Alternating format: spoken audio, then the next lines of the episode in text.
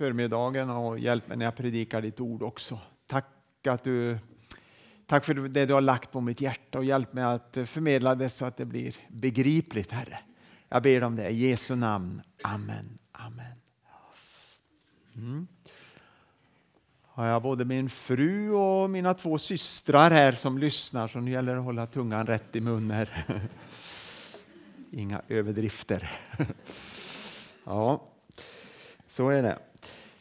Eh, vi ska fortsätta från eh, eh, Apostlagärningarna. Och ni som har varit med en del under gudstjänsten här, ni, ni kanske anar det och jag sa ju det förra gången också. Jag kommer inte att ta det Åke sa, jag, jag spar det lite, hur det gick för lärjungarna sen. Jag hann inte med det sist. Eh, hur det gick för de, de tolv eh, senare en, enligt kyrkohistorien. Då. Men vi får ta det en, vid ett annat tillfälle. Idag tänkte jag tala lite grann om, eh, eh, ge ett exempel på två olika personer i apostlärningarna. Jag ska fortsätta med det någon mer predikan sen också och titta lite grann på just de gåvor och tjänster som Gud använder och personligheter som Gud använder. Att vi är olika och det finns en mångfald. Det tänkte jag fokusera på idag. Och vi ska börja med att läsa från Romarbrevet, sen ska vi gå till Apostlagärningarna. Och då är det Romarbrevet 12, vill jag ha liksom som en utgångspunkt först. Det är ju Paulus som skriver där. Romarbrevet 12, 6-8. Så står det om ett exempel här, det står på flera ställen, men ett exempel är på olika gåvor och tjänster. Så. Läser vi Romarbrevet 12, 68. Vi har olika gåvor allt efter den nåd vi har fått. Profetisk gåva i förhållande till vår tro, tjänandets gåva hos den som tjänar, undervisningens gåva hos den som undervisar, tröstens gåva hos den som tröstar och förmanar, gåvan att frikostigt dela med sig, att vara nitisk som ledare och att med glatt hjärta visa barmhärtighet. Det var några exempel på gåvor och tjänster och, och som Gud har gett oss och lagt ner oss. Och sen är vi, har vi olika personligheter också. Det är fantastiskt, det är en mångfald. Det är två personer jag tänkte vi skulle bara titta på lite grann här i Apostlagärningarna. Och då ska vi gå till nionde kapitlet i Apostlagärningarna. Och först är det en kvinna vi ska läsa om som heter Dorcas eller Tabita. Dorcas är det grekiska namnet. Och eh, enligt grundtexten så betyder det lärjunginna. Det är ett fint uttryck, en lärjunginna. En som följde Jesus var en lärjunge till Jesus. Och vi ska läsa om henne lite kort här. Det är lite dramatiskt hur hon introduceras här i Bibeln. Apostlagärningarna 9, 36-43 läser vi. I Joppe fanns det bland lärjungarna en kvinna som hette Tavita på grekiska Dorkas. Hennes liv var fyllt av goda gärningar och frikostighet mot de fattiga. Vid den här tiden blev hon sjuk och dog och man tvättade henne och bar henne, upp henne på övervåningen. Lydda ligger inte långt från Joppe och då lärjungarna hörde att Petrus var där skickade de dit två män och bad honom komma över till dem så fort som möjligt. Petrus följde genast med. När han kom fram förde det honom upp på övervåningen där alla änkorna samlades kring honom och gråtande visade honom de skjortor och mantlar som Dorcas hade gjort medan hon ännu var bland dem. Petrus sa åt alla att gå ut och föll sedan på knä och bad. Så vände han sig mot den döda och sa Tavita, stig upp. Hon öppnade ögonen och när hon såg Petrus satte hon sig upp. Han räckte henne handen och hjälpte henne att resa sig. Sedan kallade han in de heliga och änkorna och lät dem se hur hon stod där levande.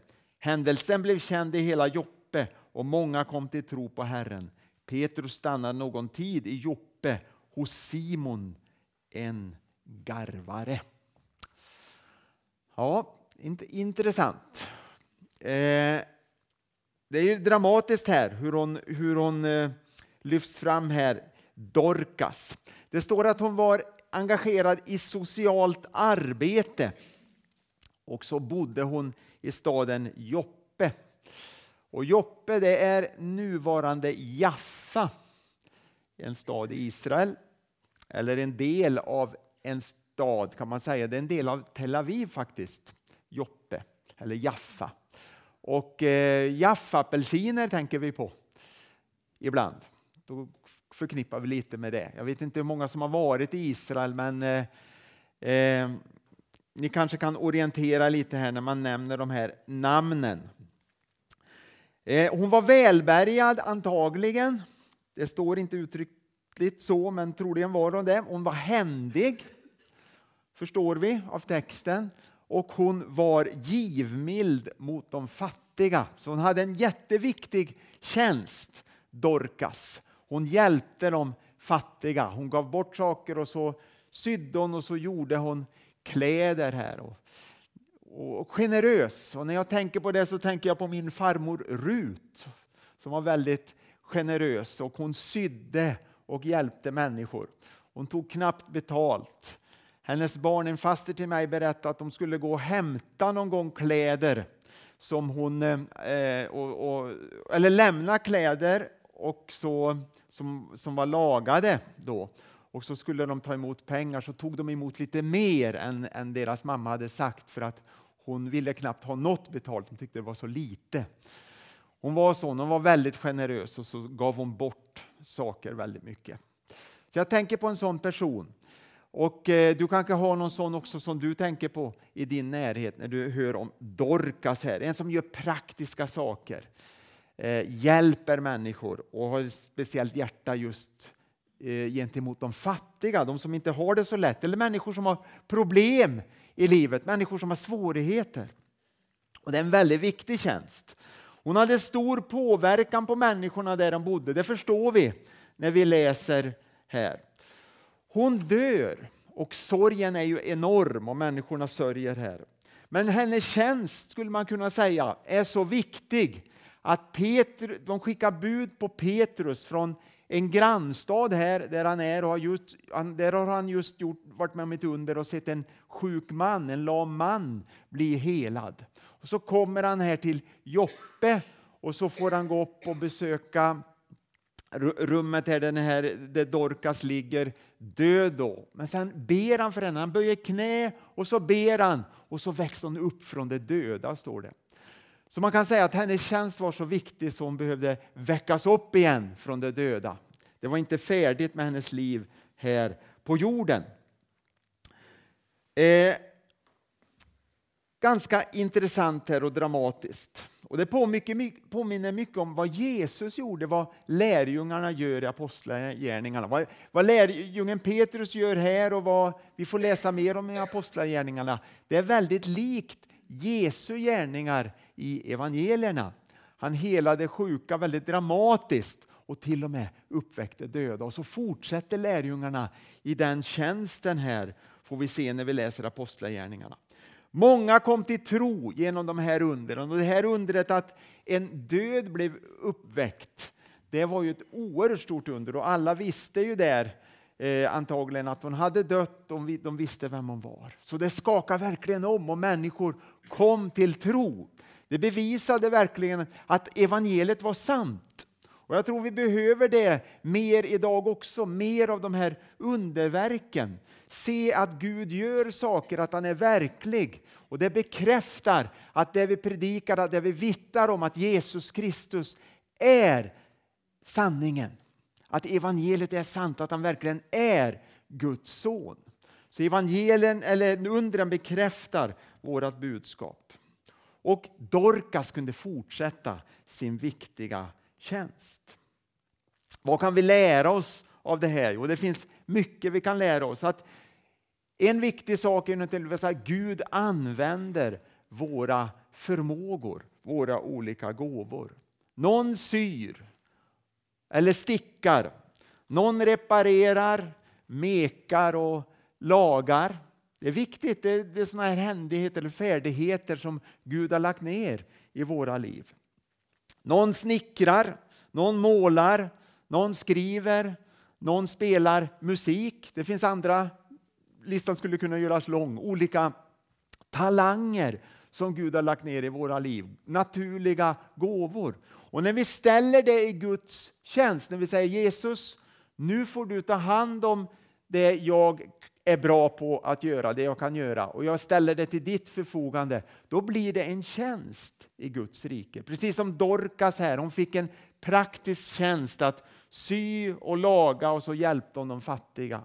Du kanske har en annan praktisk tjänst som du har ställt till Guds förfogande eller kommer att, eller vill, önska ställa till Guds förfogande. Då kommer Gud att använda dig på ett fantastiskt sätt till att välsigna människor. Ibland kan vi tycka att det inte är så andligt det jag kan och det jag håller på med, men så talar ju inte Guds ord, utan allt är tjänst för Gud som Gud har gett oss, oavsett om vi tycker det är så andligt eller inte. De praktiska tjänsterna är väldigt viktiga. Allt som görs i Guds tjänst kan vi kalla tjänster. Så det handlar om att ställa sina gåvor och förmågor i Guds tjänst. Eh, det här med Dorcas, jag tänker på det i, i, att hon hjälpte de fattiga. I våra sammanhang har vi ju inte de fattiga ibland oss på, på det sättet som det var i Israel på den här tiden, eller är i många länder och kulturer.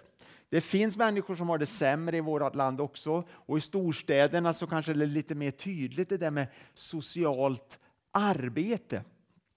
Och vi kanske pröva på, fick pröva på det en del det här att med generositet att bjuda på oss själva när det kom mycket flyktingar. Det vet jag ju att församlingen här jobbar en hel del med. Och vi har också det här med arbete bland missbrukare till exempel. Också väldigt viktigt. Jag tänker i, i Salta i, i, Argentina där jag bodde, bodde en tid. Då, där i, i församlingen så fick, eh, hade människor med sig lite mat ofta på söndagarna som man ställde på ett bord. Så, eh, mat som, inte, som var lätt att förvara, naturligtvis, torrvaror. Då. Så man ställde på ett bord och så fick människor efter gudstjänsten gå fram och ta med sig något, kanske ett paket med, med pasta eller ett rispaket eller lite potatis och så här. För man visste att i församlingen fanns det många som hade det svårt och kämpigt. Och det kanske blir en verklighet, kan vara en verklighet hos oss också. Jag vet att det finns mycket nöd och mycket behov, även om vi kanske inte ser det och det kommer nog att bli tuffare framöver.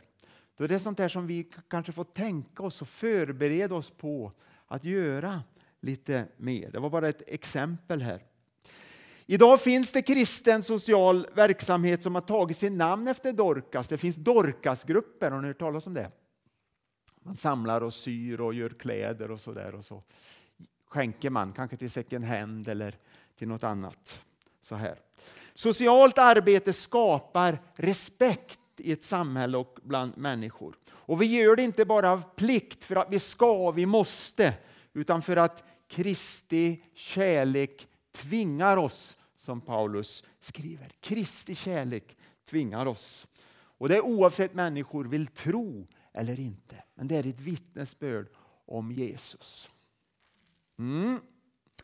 Intressant här också, det, det, är bara en liten extra saker som kanske inte har riktigt med, med det jag har talat om nu, men jag tycker bara är intressant här att det, vi läste i sista versen här att Petrus, vers 43, att Petrus stannade kvar någon tid i Joppe hos Simon, en garvare. Eh, en garvare. Någon har sagt att det var Bibelns roligaste person. ja. ja. Men det var inte det jag, var, jag tänkte säga egentligen.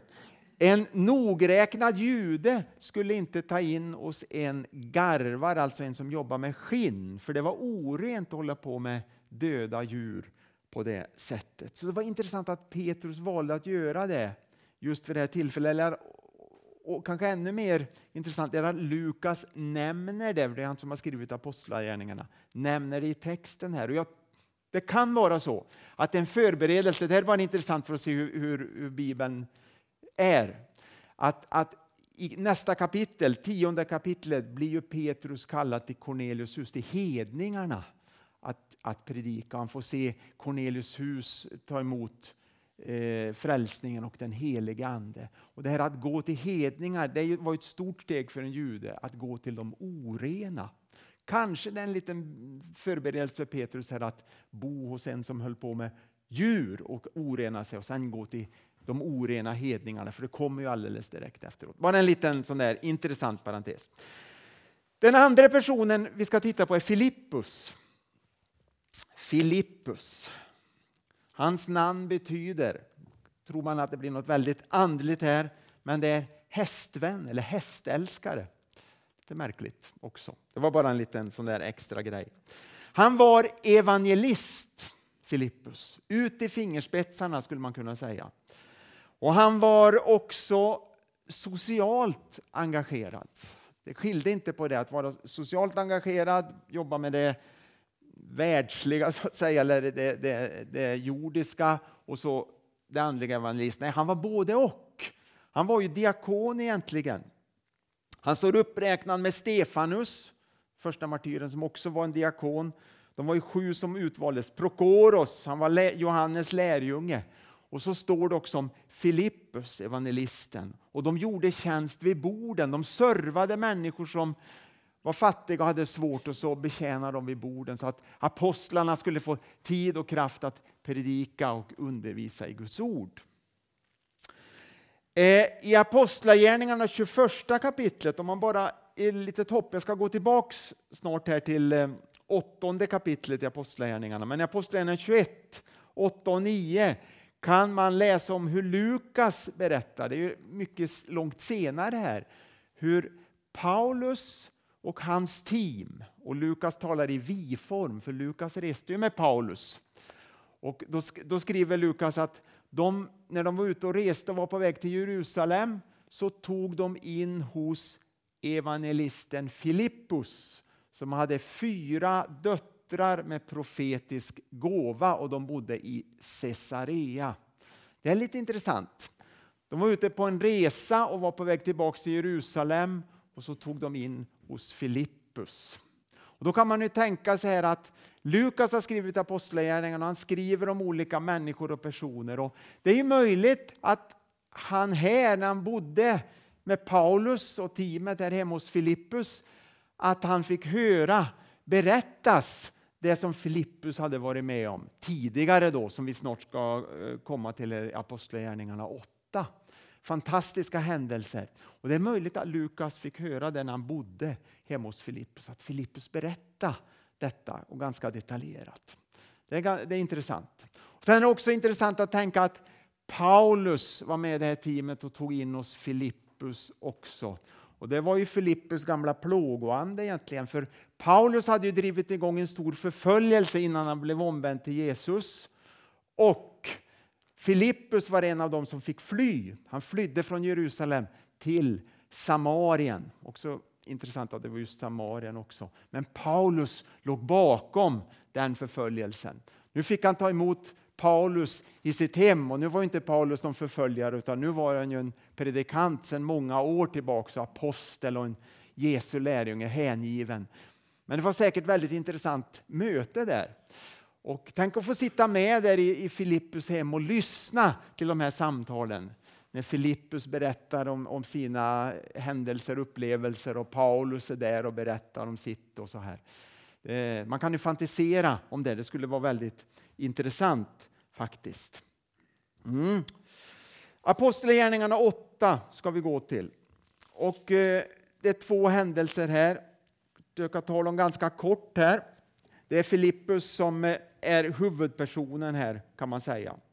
Och Det står i kapitel 8 att han kom till huvudstaden Samarien. Det var efter förföljelsen började i Jerusalem då som Paulus låg bakom. Och Då flydde de många och Filippus var en av dem. Och han kom till Samarien och där förkunnar han evangelien, evangelium.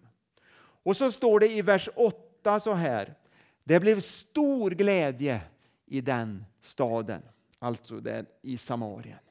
Och samarierna de var ju arvfiender till judarna, ett blandfolk mellan judar och hedningar.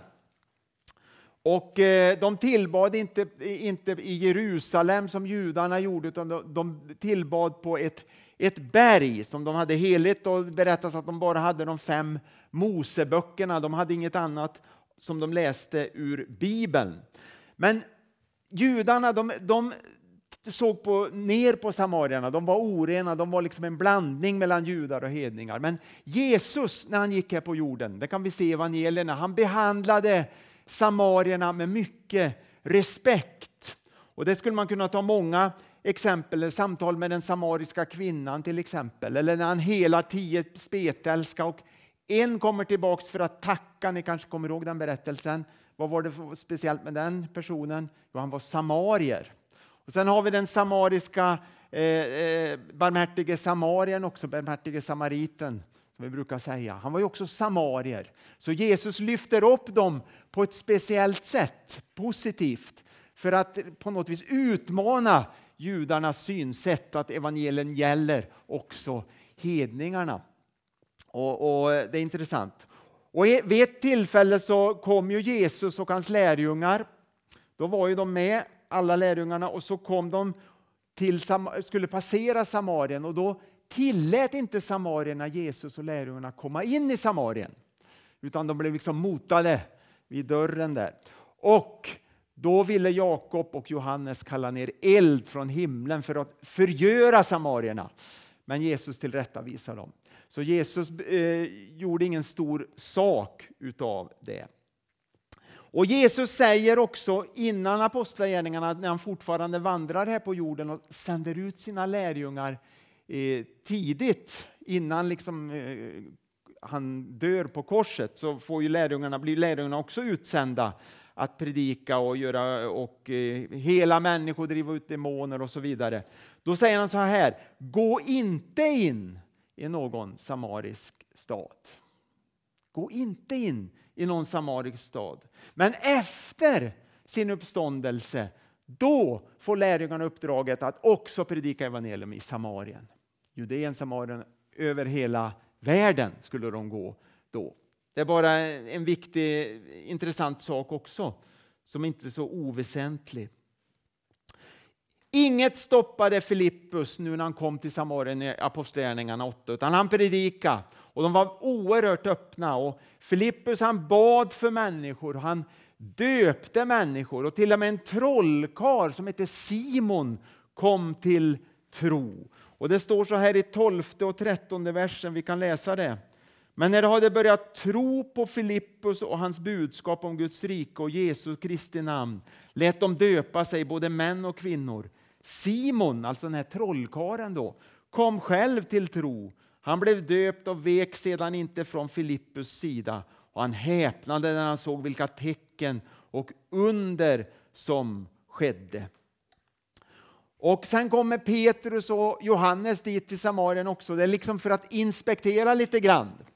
Eh, de kanske tänkte Filippus han är ju en sån här evangelist och ibland kan de här evangelisterna vara lite sådana att de kanske inte har hela greppet riktigt utan det gäller att ha lite kontroll här, så kanske de tänkte Petrus och Johannes.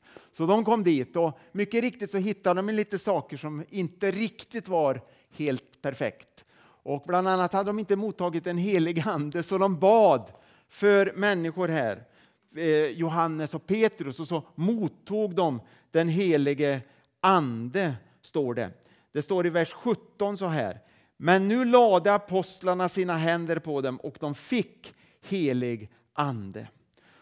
Och så står det om den här Simon trollkaren att han börjar bli lite ett problem. Han hade ju bekänt sin tro, men nu ville han liksom ha de här gåvorna som han såg eh, lärjungarna och apostlarna hade. Han blev fascinerad av det övernaturliga, för han hade hållit på med sånt innan, men det var inte lika mycket kraft som när han blev frälst. Han höll på med okultism innan då. Så han, han erbjöd pengar, han ville köpa gåvor. Men då säger Petrus till honom och av, eh, konfronterar honom för hans hyckleri. Och då läser vi 20, vers 20-24 står det så här. Men Petrus svarade, förbannelse över dig och dina pengar. Om du tror att du kan köpa Guds gåva, du har ingen rätt till det. Vi förkunnar, till ditt, till, du har ingen rätt till det vi förkunnar, ty ditt hjärta är inte rättsinnigt inför Gud. Omvänd dig från denna din ondska och be till Herren så kanske han förlåter dig ditt uppsåt. För att jag ser att du sprider bitter galla och snärjer med orättfärdighet. Simon svarade, be för mig till Herren så att inget av det som ni har, sett, har sagt drabbar mig. Och eh, han blev avslöjad för sitt hyckleri. Och det är så att när det är en väckelse på gång, när det händer saker som i Samarien, när Gud använder sådana här evangelister som Filippus och också när apostlarna kommer där och predikar och det är mycket kraftgärningar och så, då dyker också falsk andlighet upp. Det blir liksom en, ett, som ett brev på posten. Det kommer alltid där. Och Simon representerar ju det. Bo Giertz skriver så här i en, en bibelkommentar. Det är ganska intressant.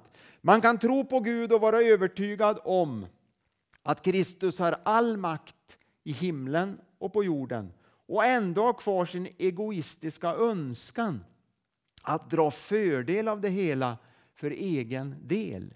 Kristen tro innebär att erkänna Guds suveräna rätt att råda över mig, att bejaka hans dom och ta emot förlåtelsen och det nya livet som en gåva. Och Det var ju vad som gällde Simon. Han hade inte omvänt sig i sitt hjärta på djupet. Och Det verkar som när Simon blev förskräckt och det får inte hända mig. Då var det inte som att han ångrade sig utan det var mer att han blev rädd.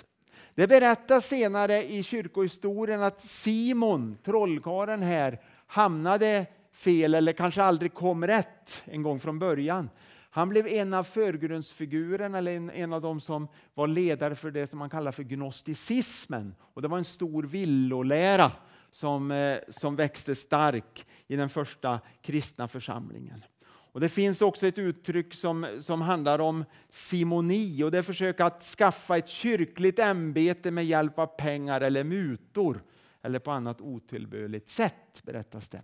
Det var alltså Simon som var förgrundsfigur för det negativa. En annan viktig sak som vi lär oss i den här texten, och det är väl kanske det egentligen det viktigaste som jag tänker det, och som jag vill få fram idag, det är just det här med evangelistens gåva. En evangelist. En evangelist brinner som Filippus för att nå människor med evangeliet. Han, har lätt, han eller hon har lätt att få kontakt och få människor att öppna sig. Och Det finns en naturlig gåva som Gud använder. Sån är en evangelist. Men vi behöver även Andens gåvor för att förstärka den här naturliga gåvan. Filippus han hade en lyhördhet och en frimodighet att både vittna och be för människor. Jag vet inte hur många som känner igen sig som en evangelist, men evangelist är ofta väldigt frimodig. Men det är inte säkert att en evangelist är den som, sån som vi tänker. En som kanske står på en plattform och predikar med, och man tänker på såna här Reinhard Bonk eller såna här evangelister som vi har kanske sett på någon video. Och så här. Det evangelist kan vara väldigt mycket i det lilla, i det enkla. Det kan vara man vittnar man till man, kvinna till kvinna. Det kan vara mycket det här personliga vittnesbördet och det tror jag är det vanliga. Men en evangelist har den här förmågan att nå innanför skalet på en människa och är inte rädd för vad människor ska tycka eller tänka. Men har en förmåga att få människor att öppna sig. Och jag tror säkert att det finns människor här inne som har en evangelists gåva. Jag är ganska övertygad om att det, att det finns många som har en evangelistgåva. Jag vet en med säkerhet och det är Vicky, min fru. Hon är evangelist. Hon, hon vet ju att det är evangelist. Hon är helt orädd att prata med människor om Gud, om, om Jesus och längtar alltid efter att göra det. Så det vet jag. Men det, jag tror det finns fler, flera stycken här som är evangelister. I eh, jag ska avsluta med Apostlagärningarna 8.26. bara helt kort. Så står det så här. Filippus fortsatte sen och så står det att en ängel från Herren sa till Filippus Gå nu vid middagstiden ut på vägen som leder från Jerusalem ner till Gaza. Den ligger öde. Gud ledde Filippus vidare här till en öde väg. Det är ganska intressant också. Men han var känslig, han var lyhörd för Guds ledning och kallelse. Och så läser vi vidare i texten så kommer, han, kommer det en vagn där med en etiopisk hovman. Det står att han var hovenuck, finansminister hos den etiopiska drottningen Kandake. Och det fanns, berättar man, en betydande judisk koloni här i Afrika, Etiopien, Sudan. Det skulle ha varit nuvarande Sudan om jag har förstått det rätt, här där, där han kom ifrån. Men det kallades Etiopien, då, etiopisk hovman.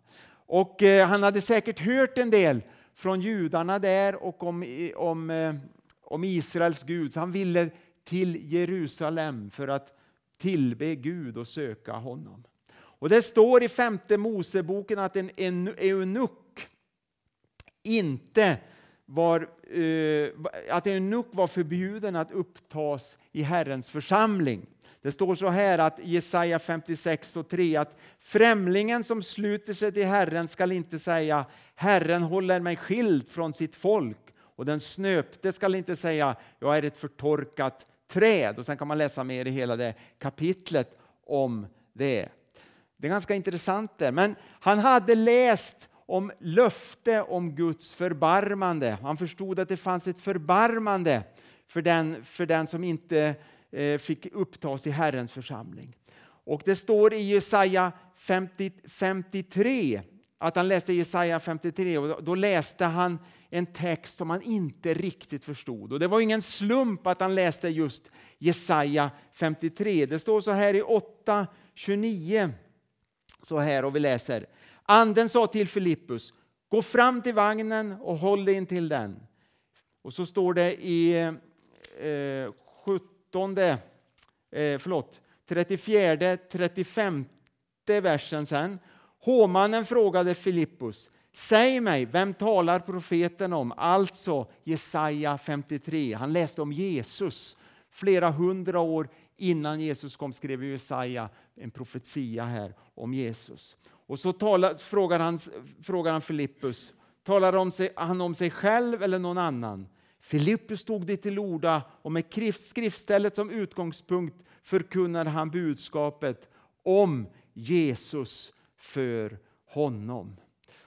Filippus vill förklara Guds ord för den här etiopiska hovmannen. han förstod att det handlade om honom, att det fanns barmhärtighet, att även han kunde upptas i Guds församling som hedning. Han var oren men han kunde upptas i Guds församling. Han kunde få kontakt med Gud och det var genom Jesus Kristus. Så här är ett väldigt tydligt evangelium som man får del av. Och så står det i 38 versen så här. Eh, för han ville, han ville också döpa sig. Han lät stanna vagnen och båda två, Filippus och hovmannen, steg ner i vattnet och Filippus döpte honom. När de hade stigit upp ur vattnet ryckte Herrens ande bort Filippus och hovmannen såg honom inte mer. Det är lite häftigt också. Men han fortsatte sin resa fylld av glädje. Men Filippus visade sig hade kommit till Ashdod och sedan gick han från stad till stad och förkunnade budskapet tills han kom till Caesarea. Där fick Filippus vara med om fantastiska saker här i Samarien. Fick föra den här etiopiska hovmannen till Herren. Och jag är övertygad om att när han återvände till sitt land så blev han ett vittne. Och många människor kom säkert till tro på grund av honom. Men Gud använde Filippus. Han var lyhörd, han var lydig och gå. Han hade evangelistens gåva. Och Det fantastiska är att Gud förbereder vägen. Vi får gå ledda av honom. Och Då blir det väldigt spännande. När vi, när vi, får, när vi får jobba och arbeta i Guds tjänst då får vi se att Gud har varit här innan och förberett. Han leder oss, han leder våra steg. Det är inte så där att vi, vi känner att oj, det här var en tillfällighet eller det här var en slump, utan Gud har varit där innan. Han förbereder människors hjärtan. Och det är så spännande att vara ledd av den helige Ande. Vi brukar tala om det, förutberedda gärningar. Det är förberett. Har du varit med om det någon gång, att du har känt att det varit förberett? Men det är så Gud jobbar, när vi är lyhörda och öppna för honom. Då jobbar han så. Filippus fick ett tilltal av en ängel först, men sen var han också ledd av anden. Och det kanske är på något vis kanske betyder samma sak egentligen, men vi får vara ledda på olika sätt. Kanske Gud ger en stark tanke till dig, en stark uppmaning till dig. Kanske du får en dröm eller en inre syn eller en stark känsla att du ska göra någonting och du känner att det här är verkligen Gud. Det är ingen tvångstanke så, för det, så gör inte Gud när han arbetar med oss. Han lägger inte tvångstankar på oss, utan han ger en frid. Men det kan vara en kamp och en strid också samtidigt. Men allt det Gud gör, när Gud talar så är det en fridfull röst. Den heliga Ande är kärleksfull när han talar. Det är väldigt viktigt att komma ihåg också. Och eh, Sen kan man tänka så här att eh, eh jag är ju inte så, jag, kan jag är inte så där frimodig eller jag är inte så där för att vara i, bräschen riktigt. Och det, det, jag känner inte att det är min uppgift direkt att, att, att eh, gå på människor sådär.